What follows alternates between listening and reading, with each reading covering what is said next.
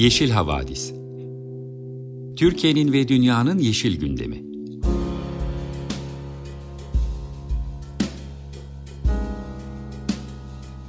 Hazırlayan ve sunanlar Demet Yaman Er, Savaş Çömlek, Dilan Altın Makas, Sare Abit ve Tansu Yeşilkır.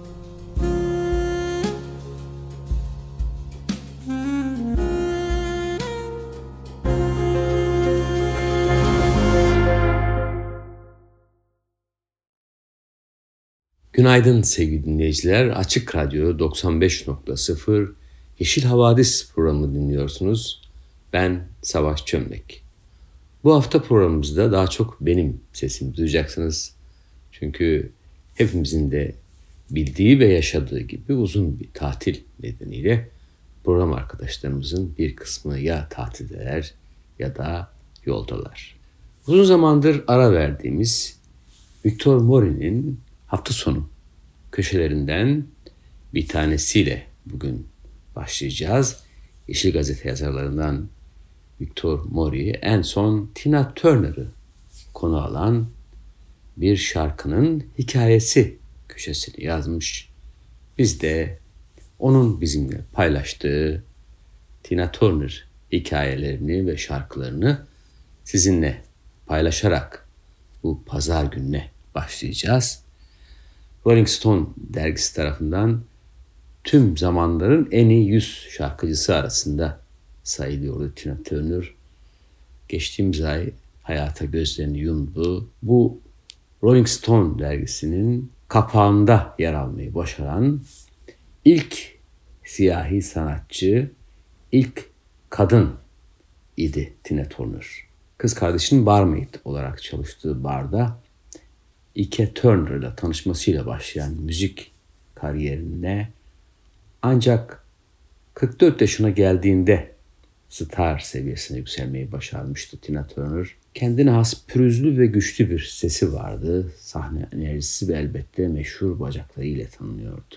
Tina Turner, Anna May olarak 1939'da dünyaya gelmişti. Bir gece çalıştığı barda grubun molası sırasında mikrofonu kapan Anna May, B.B. King'in You Know Love You adlı şarkısını öyle güzel seslendirdi ki nihayet Ike Turner'ı da etkilemeye başardı. O geceden sonra da hayatı tümüyle değişecek ve ona bir gün rock'n'roll'un kraliçesi ünvanı kazandıracak bir müzik kariyeri başlayacaktı. 1983 yılına gelindiğinde Turner otellerde ve kulüplerde sahne alan nostaljik bir aktris olarak nitelendiriliyordu.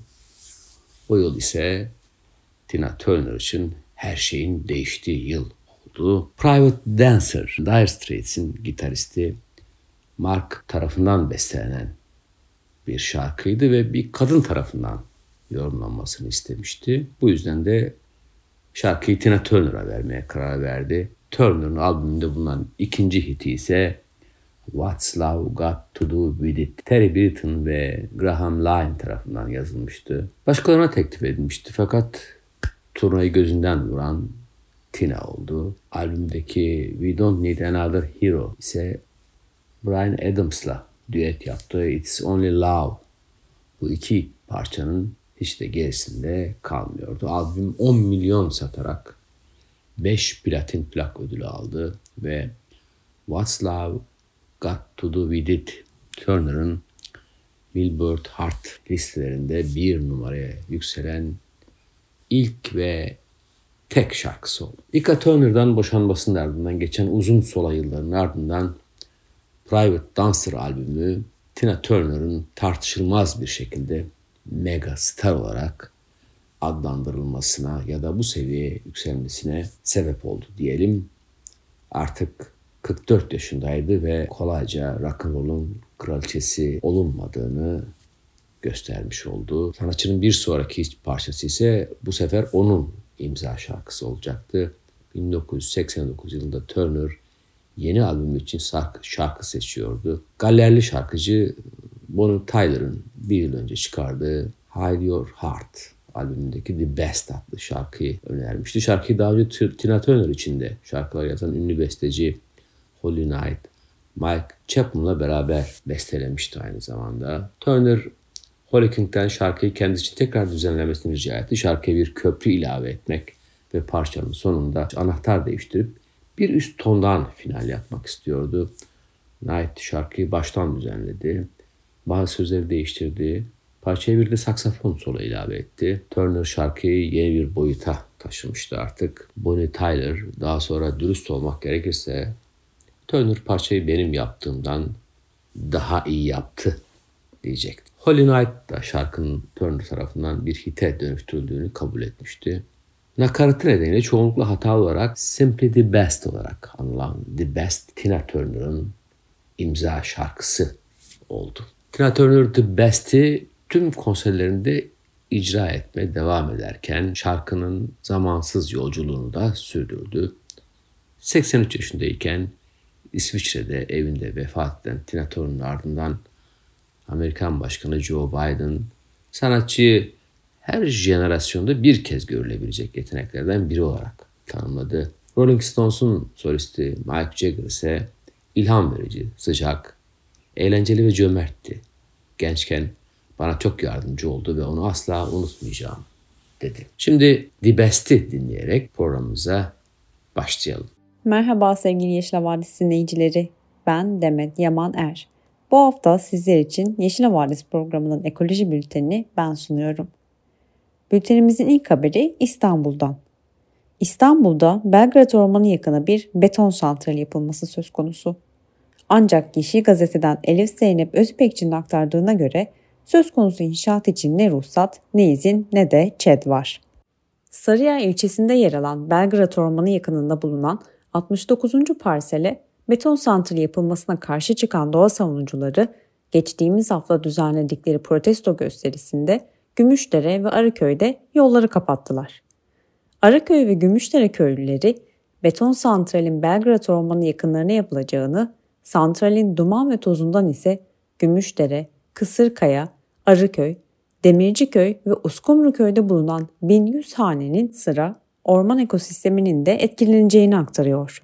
Halkın tepkisi sonrasında Sarıyer Belediyesi, Karayolları Genel Müdürlüğü ve beton santralini inşa eden şirket yetkilileriyle bölge sakinleri ve muhtarları arasında bir toplantı gerçekleştirilse de şirket yetkililerinin ne önerileri ne de sundukları planlar bölge halkının uyarı ve taleplerine karşılık vermekten çok uzak. Bu arada söz konusu parsel Çevre ve Şehircilik İklim Değişikliği Bakanlığı'nca 2018 yılında onaylanan imar planı lejantında ağaçlandırılacak alan, orman alanı, park, dinlenme alanı, çocuk bahçesi, fuar ve oyun alanı olarak belirlenmiş durumda. Sit alanı olarak ilan edilen bu bölgede onaylanan imar planının plan hükümlerinin 15. maddesinde plan onama sınırları içerisinde akaryakıt depoları, sanayi tesisleri kurulamaz. Maden ve taş ocağı, beton santralleri açılamaz. İzni olanların süreleri bittiğinde işlem izni uzatılmayacak ve faaliyetleri sona erdirilecektir. Motor çalıştıran, çevresine gürültü, toz, duman çıkaran fonksiyonlar konut alanları içinde yer alamaz hükmü yer alıyor. Sarıyer halkı da kanunlara, yönetmeliklere ve imar planı hükümlerine aykırı olarak başlatılan bu kaçak inşaatın acilen durdurulmasını talep ediyorlar. Biz de bölge halkının bu talebini sizlere aktararak ekoloji bültenine başlayalım dedik. Bültenimizin ikinci haberi ise Tokat'tan.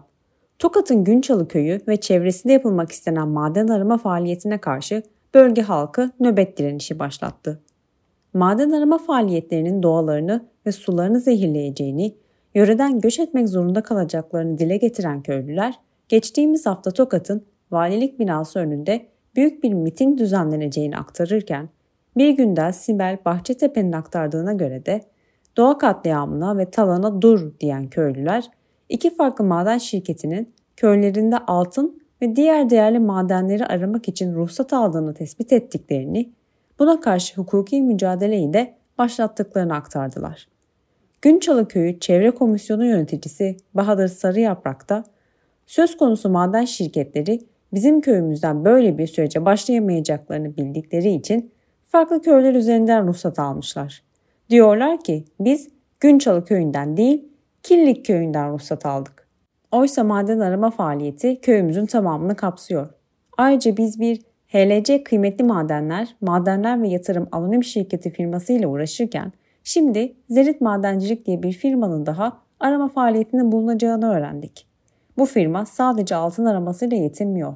Birçok yerde de aynı talanları yapıyor. Firmalar şu an girişim yapıyor ama halkın tepkisinden dolayı sahaya giremiyorlar. Buradaki maden araması da ne bakanlığın sayfasında ne resmi gazetede görünüyor. Bunlar çok ilginç. Firmalara biz dava açtık derken Günçalıköy Dernek Başkanı Ali Başak da 14 Mayıs seçim günü maden araması yapılacağı bilgisini aldıklarını söyleyerek şirketlerin aldığı izin belgesi 4. grup. 4. grubun içinde her türlü maden var. Siyanürden tutun da altın, kömür, bakır, mermer ocağı, krom her türlü şey var. Bulabilecekleri her şeyi çıkarmak istiyorlar. Maden çıktığında bırakın bizim köyü, çevre köyler de zarar görecek. Barajlarımızı, suyumuzu, doğamızı kirletecekler. İnsanlar toz, toprak, zehirli atıklarla karşı karşıya kalacak. Sağlık sorunları, kanser gibi hastalıklar artacak. Bunlara izin vermeyeceğiz. Herkes burada mücadele başlattı. Gelecek nesillere güzel bir doğa bırakmak bizim en önemli görevimiz. Sonuna kadar da savunacağız uyarısında bulundu.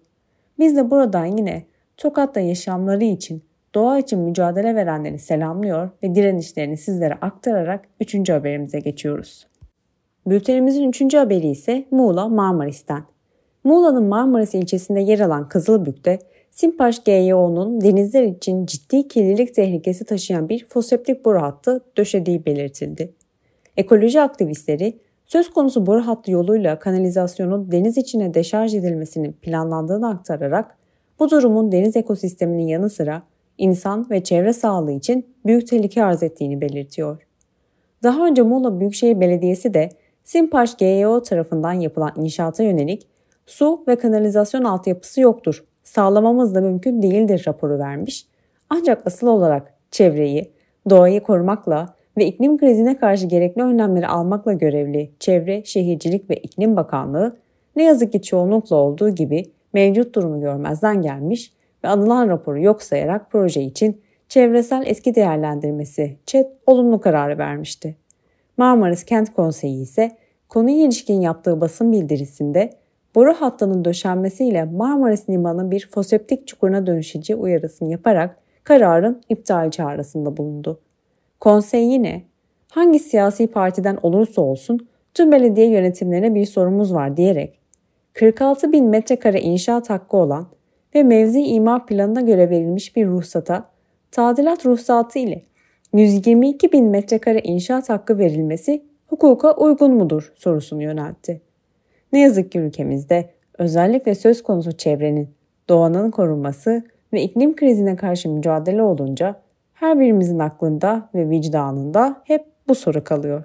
Bu yapılanlar gerçekten hukuka nasıl uygun? Bültenimizin dördüncü haberine geçelim. Haberimiz bu kez önce deprem felaketi, daha sonra da ekolojik sorunlarla gündemden düşmeyen Hatay'dan. Zeytin ağaçları ve buğday tarlalarının bulunduğu arazinin kamulaştırması ile gündeme gelen Hatay'ın Dikmece köyünde 24 Haziran'da ikinci kez yangın çıktı. Zeytin ağaçlarına yakın bir bölgede ve köy sakinlerinin iki kişinin yakmasıyla başladığını belirttiği yangın kısa sürede geniş alana yayıldı ve saat 7 sularında başlayan yangın yine akşam saat 11 civarı ancak söndürülebildi. Söz konusu sürede içinde saman, buğday ve zeytin ağaçlarının bulunduğu ve acil kamulaştırma kapsamında değerlendirilmek istenen yaklaşık 100 dönüm arazi ne yazık ki hasar gördü. Dikmece Köyü muhtarı Sezgin Yurtsever ise yaşananlara tepki göstererek böyle olaylar normalde burada yaşanan şeyler değil dedi. Yurtsever sözlerine 3 gün içinde ikinci kez bunu yaşıyoruz. Tesadüf olduğunu düşünmüyorum. Bu yangınlarda payı olanlar yargıya hesap vermeli diyerek devam ederken köyde tarımla uğraşan yurttaşlar da yangın tehdidine karşı önlem olarak tarlalarını sürmeye başladılar.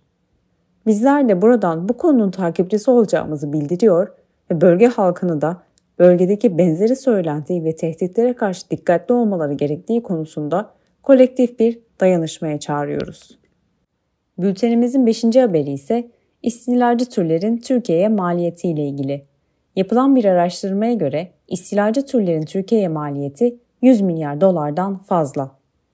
Doğal olarak bulunmadıkları bölgelere ulaşıp buralarda ekolojik, çevresel ya da ekonomik zararı neden olan istilacı türler küresel biyoçeşitlilik kaybının da önde gelen sebepleri arasında yer alıyor. İklim değişikliği ise bu zararlı türlerin yayılışını kolaylaştırıyor. Uluslararası Doğayı Koruma Birliği'ne göre istilacı türler ekstrem hava olayları nedeniyle yeni bölgelere taşınabiliyorlar. Üstelik iklim değişikliği bu habitatların istilalar olan direncini de zayıflatabiliyor. Artan sıcaklıklar istilacı türlerin daha yüksek enlemlerde ve rakımlarda yayılabilmesini ve yerli türleri olumsuz yönde etkileyecek ekolojik etkileşimlere girmesini de mümkün kalıyor. Olumsuz ekolojik, sağlık ve ekonomik etkileri olan bu türlerin ekonomik maliyetine dair hesaplamalar ise henüz resmin tamamını görmeye yetecek ölçüde kapsamlı değil. Bununla birlikte geçtiğimiz hafta yayınlanan bir akademik makale, istilacı türlerin Avrupa Birliği'ne ekonomik maliyetinin daha önce yapılan çalışmalardan %501 daha yüksek olduğunu ortaya koydu. Çalışmaya göre istilacı türlerinin gözlemlenen maliyeti 28 milyar dolar seviyesindeyken önümüzdeki yıllarda hem bu türlerin popülasyonlarının hem de sebep olacakları zararın katlanarak artacağı öngörülüyor.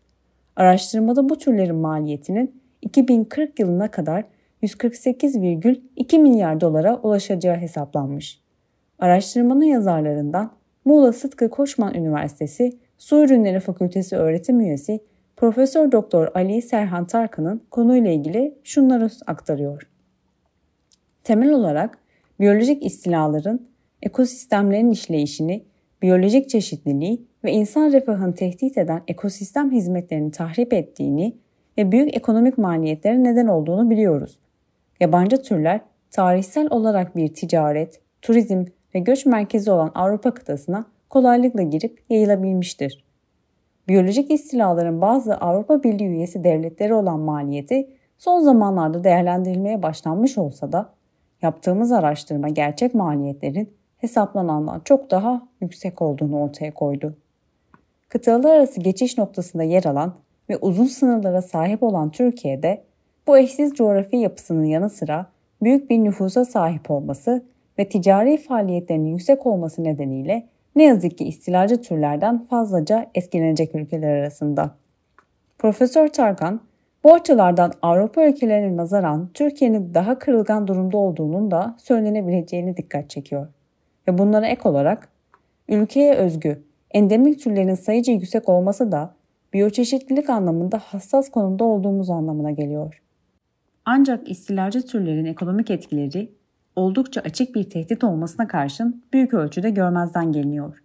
İstilacı türlerin Avrupa Birliği'ne ekonomik maliyetlerini hesapladığımız gibi Türkiye'ye maliyetini de hesaplamak üzere çalışıyoruz. Devam eden bir araştırmamızda 1914 yılından bu yana kayda geçmiş etkilerin ekonomik maliyetine odaklandık. Şu ana kadar yaptığımız hesaplamalar 1914'ten günümüze kümülatif maliyetin en az 100 milyar dolar seviyesinde olduğunu ortaya koyuyor. Söz konusu etkiler farklı habitatlar ve türler için çok farklı şekillerde karşımıza çıkabiliyor. Ancak en önemli etkileri ekolojik, ekonomik, sosyolojik ve insan sağlığına ilişkin olduğu söylenebilir açıklamasında bulunuyor. Umarız yetkililer de çevre konusunda uzmanların görüşlerini dikkate alır ve nerede kısa vadeli bir rant var ise ona göre doğa katliamlarına izin ve onay vermek yerine uzun vadeli düşünerek ülkemizin doğasını ve ekolojik zenginliğini koruyacak ülkeyi iklim krizine karşı dirençli hale getirebilecek adımları atmaya bir an önce geç kaldıkları yerden daha da geç olmadan başlarlar diyerek bültenimizi bu hafta sonlandırıyoruz. Şimdi Gary Jules, Michael Andrews, Medworld sizinle. Günaydın sevgili dinleyiciler. Bu haftaki iklim bültenini de Yeşil Gazete'nin gözünden ben sizler için seslendireceğim. Yakından takip edenlerin bildiği gibi Dubai'deki Birleşmiş Milletler Zirvesi'ne 6 ay kaldı. COP28 6 ay sonra başlayacak.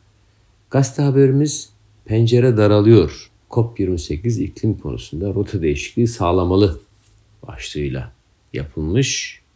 Bir alt başlıkta da petrol yöneticisi başkanı acaba isteksiz ülkeleri hizaya getirebilir mi denilmiş. Fiona Harvey'in bir haberi bu. Yeşil Gazete için Pınar Güzel çevirmiş. Önümüzdeki 5 yıl içinde dünya muhtemelen küresel ortalama yüzey sıcaklığının sanayi öncesi seviyelerin 1,5 derece üzerine çıktığı en az bir yıl deneyimleyecek. Dünya Meteoroloji Örgütü'nün bu ayın başındaki iklim tahmininde kesin tahmini bu idi. Bilim insanları 1,5 santigrat derecenin üzerine çıkmanın küresel iklim sistemi üzerinde potansiyel olarak Grönland ve Batı Antarktika buz tabakalarının çökmesi, permafrostun aniden erimesi, yükselen deniz seviyeleri ve beyazlaşan mercan resifleri de dahil olmak üzere geri dönüştürülemez etkilere yol açabileceği konusunda uyarıyor. Bu nedenle de 1,5 santigrat derece sınırı ülkeleri küresel sıcaklık artışlarını 2 derecenin oldukça altında tutmaya ve 1,5 derece hedefi için çaba sarf etmeye zorlayan 2015 Paris İklim Anlaşması'nın merkezinde yer alıyor. 1,5 santigrat derece eşiğin bir veya hatta iki yılda aşılması Paris Anlaşması'nın geçersiz kılmak için yeterli olmayacak. Böyle bir yargıya varabilmek için artışın birkaç yıl veya daha uzun süre devam etmesi gerekiyor. Sıcakların tekrar hafifçe düşmesinin hala mümkün olduğunu söylüyor bir takım kurumlar. Ancak bu küresel iklim aktivizmine büyük bir darbe ve telafisi mümkün olmayan zararın eşiğine ne kadar yakın olduğumuzun korkunç bir hatırlatıcısı aynı zamanda. Ortak eylemle iklimin gidişatını değiştirmek hala mümkün ve hükümetler yıllık Birleşmiş Milletler iklim müzakerelerinin en sonuncusu olan COP28'de 6 ay içinde bunu yapma fırsatına sahip oldu. Bu yıl önemli bir dönüm noktası. 2015'ten bu yana ülkelerin Paris'te verdikleri emisyon azaltma taahhütleri ilgili ne durumda olduklarına dair bir değerlendirme, bir küresel envanter hazırlanacak. Envanterin ana hatlarıyla ne söyleyeceğini, eksi bir buçuk santigrat derecede içinde kalmak ve Paris hedeflerini karşılamak için gereken emisyon kesitlerini yapma yolunda oldukça sapmış durumda olduğumuzu zaten biliyor olsak da iyimser başarısızlıklarımızı ayrıntılı olarak ortaya koymanın alınması gereken aksiyon için teşvik edici olabileceğine inanıyoruz hepimiz. Birleşik Krallık Muhafazakar Milletvekili ve 2021 Glasgow'daki COP26 görüşmelerine liderlik eden eski bakan Alok Sharma yapılması gerekenin açık olduğunu söylüyor. COP28 güçlendirilmiş emisyon azaltma hedefleri zirveye çıkarma taahhütü ortaya koymalıdır diyen Sharma'ya göre temiz enerji devrimini hızlandıracak bir plan ve fosil yakıtları aşamalı olarak ortadan kaldırma taahhüdü olmalı tabii ki böyle bir taahhüt. Bu gelişmekte olan ulusların ekonomilerini karbondan arındırmalarını desteklemek için hem kamu finansmanının hem de özel finansmanın nasıl ön, önceliklendirileceğine dair milyarlardan trilyonlara geçen maliyetten bahsediyor tabii. Anlamlı bir anlaşma. Evet beklediğimiz bu. E3G Düşünce Kuruluşu'ndan Tom Evans bu çalışmanın inatçı ülkeleri daha fazla çaba göstermeye itmek için bir kaldıraç görevi gördüğü kanısında küresel envanter bize yeni bir şey söylemeyecek. Emisyon kesitleriyle ilgili ihtiyaç duyulan ile gerçek arasındaki büyük uçurum hakkında elimizde yeterince kanıt var. Ancak küresel envanter Paris Anlaşması kapsamında zorunlu kılınmıştır. Bu nedenle taraflar daha fazla hırsla, arzuyla karşılık vermek zorundadır. Teori bu. Ancak COP'ların en iyimser destekçileri bile COP28 karşısında parlak umutların tükendiğini görebiliyor. Son Birleşmişler İklim Zirvesi COP27 geçen Kasım ayında Mısır'da bir miktar sevinç ve büyük bir hüsranla sona ermişti. Katlandıkları aşırı hava koşullarının yarattığı tahribatın karşılığını ödemesi için zengin dünyadan bir kayıp ve zarar fonu şeklinde iklim adalet talep eden gelişmekte olan ülkeler için bir zafer ve çok az ülkenin sera gazı emisyonlarını azaltmak için somut planlar ortaya koyduğundan ve bunun yerine fosil yakıtların geleceği hakkında kaçamak yanıtlar vermenin ve konuyu ertelemenin tercih edilmesinden duyulan hayal kırıklığı Mısır'daki COP27'nin sonucu olarak ortaya çıkmıştı. Sharma COP27'nin kapanış dakikalarında dünyanın bu başarısızlık için yüksek bir bedel ödeyeceği konusunda sert bir uyarıda bulunmuştu. Diğer ülkeler onunla hem fikir birliği içinde olduklarını ifade etti. Bazı ülkelerin anlaşmayı yavaşlatmak, ilerlemeyi geri almak ve taahhütleri sulandırmak istedikleri görünmüş ve öfke yaratmıştı. 80'den fazla ülkenin desteğiyle fosil yakıtları aşam olarak ortadan kaldırma kararı iptal edildi ve nihai metin 1,5 derece hedefine ulaşılması konusunda yalnızca zayıf bir dil içermişti. O zamandan beri durumda bir gelişme olmadı. Uluslar Ukrayna Savaşı konusunda hala anlaşmazlık halinde Batı ve Çin arasındaki jeopolitik gerilimler yüksek ve e, enflasyon ve ekonomik sıkıntılar hem zengin hem de bolca borca batmış fakir ülkeleri etkiliyor. Bu esnada emisyonlar ne yazık ki artmaya devam ediyor. Bu kadar vahim koşullar altında herhangi bir COP zirvesi zorlayıcı olacaktır tabii ki. COP28 için ek bir zorluk daha var.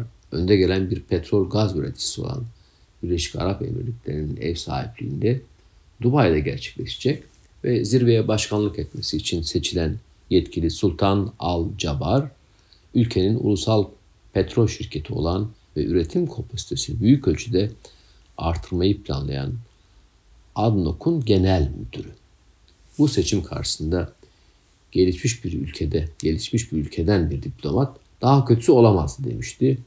Bir diğeri ise bu inanılmaz bir şey yorum yapmıştı. Caber'in Ocak ayındaki ataması dünyanın dört bir yanındaki iklim aktivistleri ve uzmanlar tarafından da güvensizlik ve dehşetle karşılandı. Londra Imperial College'daki e, Gotham Enstitüsü'nün iklim konusundaki kıdemli öğretim görevlisi olan Federico Otto, COP28'i nasıl başarılı kılabileceğim sorulsaydı bunu organize etmek için bir fosil yakıt şirketinin genel müdürünün başına geçirmezdim herhalde dedi ve ekledi. Fosil yakıt şirketlerinden lobicileri davet etmezdim. Fosil yakıtların küresel enerji arzından bir an önce uzaklaştırılması için her şeyi yapmaya çalışır. Jaber atanmasından bu yana daha fazla tartışmaya yol açtı. İnsan hakları savunucularının öfkesine yol açacak şekilde Suriye Devlet Başkanı Başar Esad'ı zirveye davet etti. Ayrıca Boris Johnson'a danışmanlık yaparken yenilebilir enerji planlarının bozulmasına yardımcı olan Liz Truss'ın fosil yakıtlar olan hevesini körükleyen eski bir Downing Street görevlisi David Hanzini ile işe almış. Başkanlık bünyesinde iç karışıklığa dair fısıltılar da başlamış. Siver'in çeşitli yönleri üzerine yapılan umut veren en az 3 halkla ilişkiler şirketinin sözleşmeleri feshedilmiş. Bir ikisel sebeplerin dolayı olmak üzere en az iki üst düzey yetkili yakın zamanda da görevden ayrılmış. Jaber'in en çok zarar veren Paris Anlaşması'nın mimarlarından biri olan Birleşmiş Milletler İklim eski şefi Christiana Figueres'in sert çıkışı olmuş. Öfke ve iyimserlik podcastinde Figueres, Jaber'i fosil yakıt kullanımının devam etmesini sağlamanın bir yolu olarak karbon yakalama ve depolama teknolojisini destekliyor görünerek COP28'i tehlikeye atmakla suçlamış. Cristiana Figueres. COP başkanı açısından bakıldığında bu çok tehlikeli. Çoğu ülkenin ve özellikle savunması ülkeler bu konuda COP başkanını desteklemeye istekli olacağını düşünmüyoruz. Çünkü bu onların hayatta kalmalarına yönelik doğrudan bir tehdit. Caber ise eleştirilere hükümetleri, sivil toplum gruplarını, bilim insanlarını hem yüksek hem de düşük karbon endüstrilerini kapsayan küresel bir dinleme turuna çıkarak yanıt vermiş.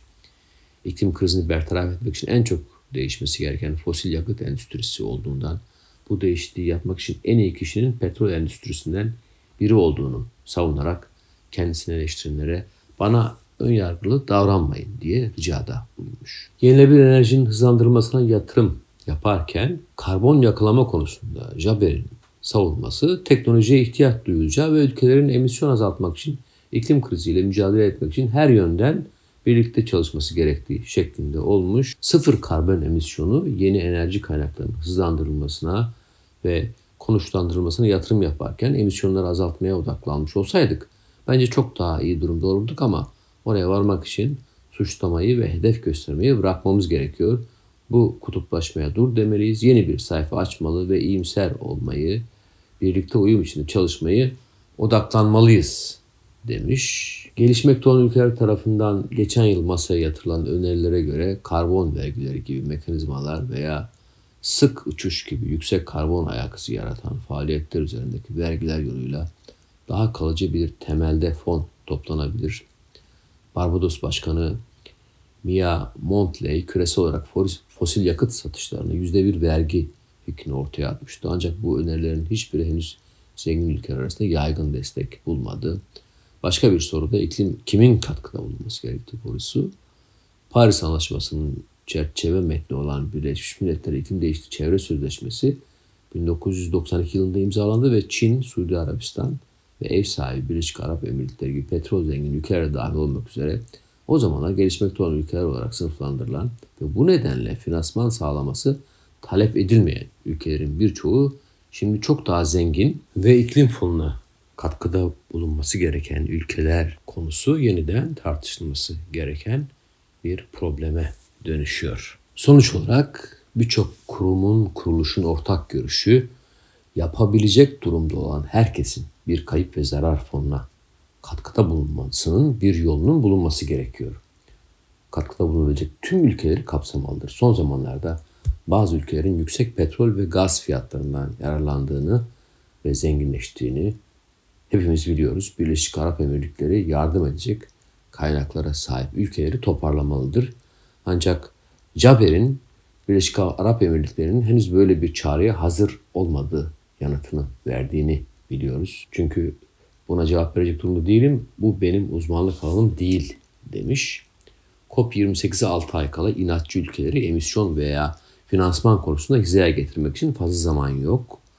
The Guardian'a konuşan COP katılımcıları Caber'in COP28 planlarının neleri içereceği ve Birleşik Arap Emirlikleri'nin kendi karbon kesme yeterliğini nasıl kanıtlayacağı konusunda emin olmadıklarını söyleyip endişelerini dile getirmişler. Gelecek hafta ülkeler Dubai'den önce planlanan tek müzakere oturumu olan ve COP28'in temelini oluşturacak iki haftalık ön görüşmeler için Almanya'nın Bonn kentinde toplanacaklar. ABD'deki Tufts Üniversitesi Fletcher okulunda dekan ve uzun süredir COP'larda katılımcı olan Rachel Kite'ın COP28 ile ilgili değerlendirmesi ise şöyle imiş.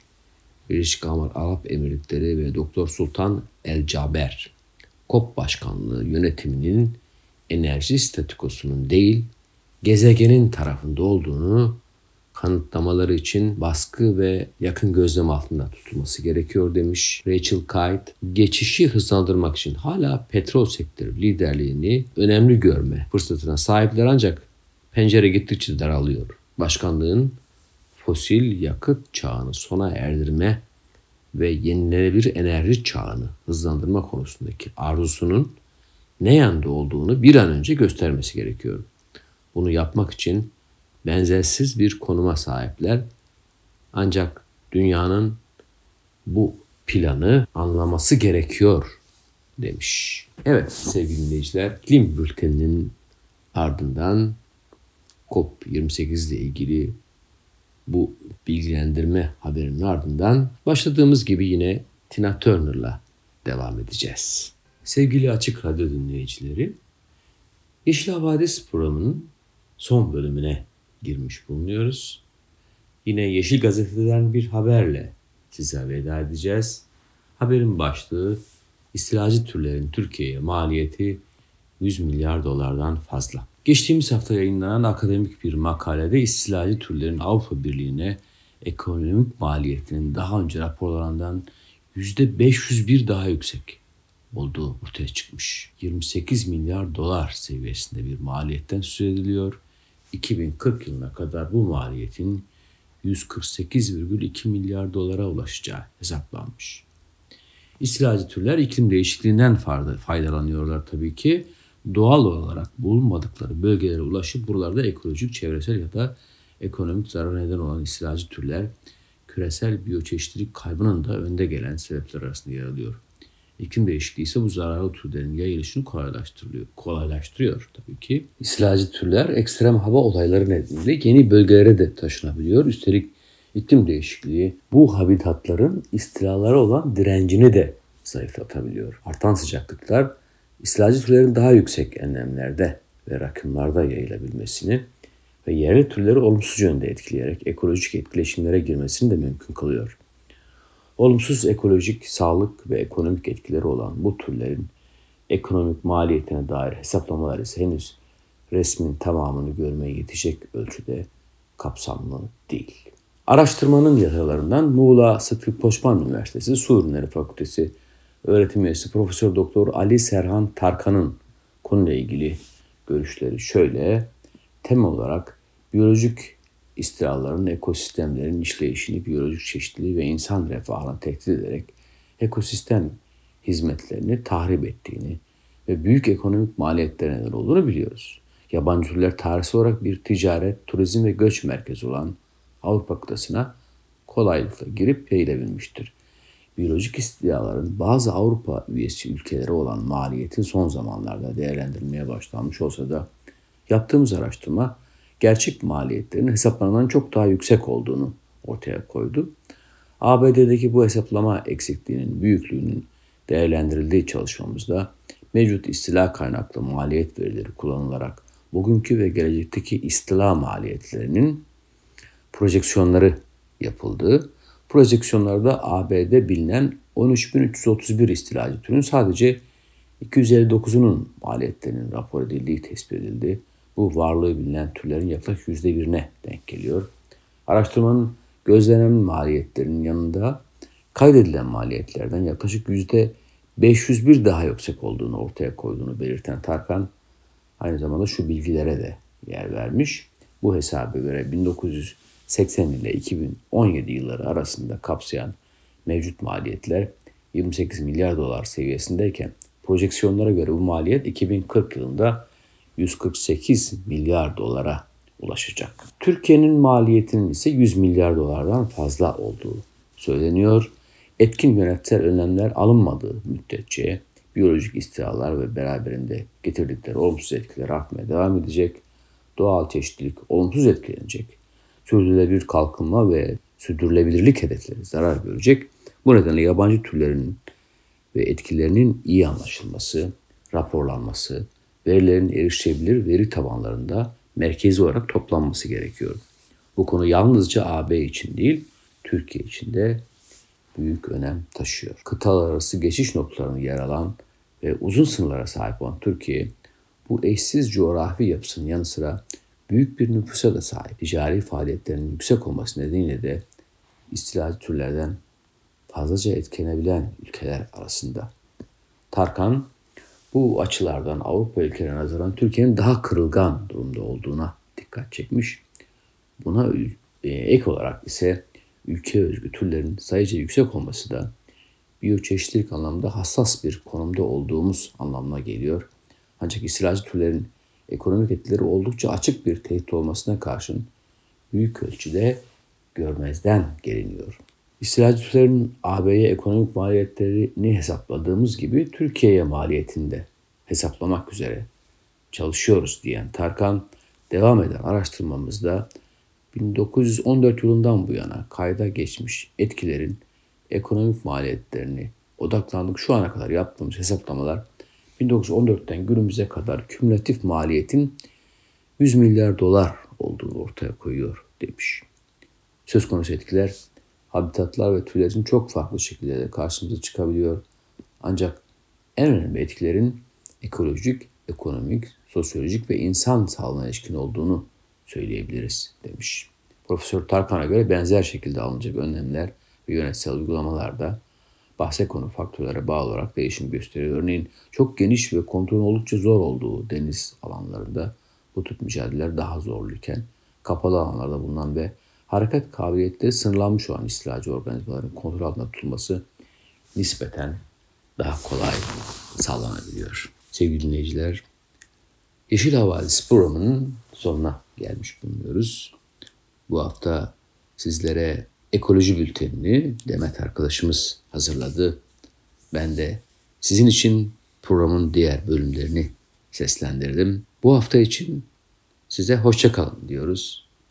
Yine başladığımız gibi Tina Turner'la size veda edeceğiz. Hoşça kalın.